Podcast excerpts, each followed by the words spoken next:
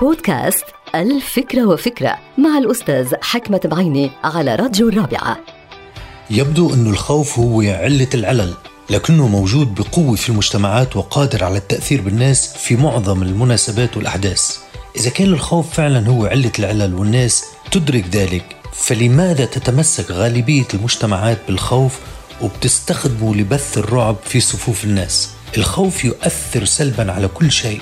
ابتداء من الاستقرار وصولا إلى الازدهار ومرورا بقضايا تتعلق بالنجاح والمثابرة والتغيير الإيجابي. إذا كان الخوف جزء من حياة الإنسان فهو مصيبة، ولكن أن يستخدم لتخويف الإنسان الآخر وترهيب الناس فهذه مصيبة أكبر فإذا كنت أنت شخصيا مثلا عرضة للخوف الدائم ولا تستطيع أن تتغلب على هذا الخوف فهذا شأنك. ولكن أن تستخدم هذا الخوف لتخويف غيرك من الناس من خلال بث الإشاعات والأخبار الملفقة فهذا أمر مرفوض ويجب أن تحاسب عليه لأن شؤون الناس وحياتها ليست رهينة بيد من يستخدم الخوف وتخويف الناس لأهداف مشبوهة ولغاية في نفس يعقوب.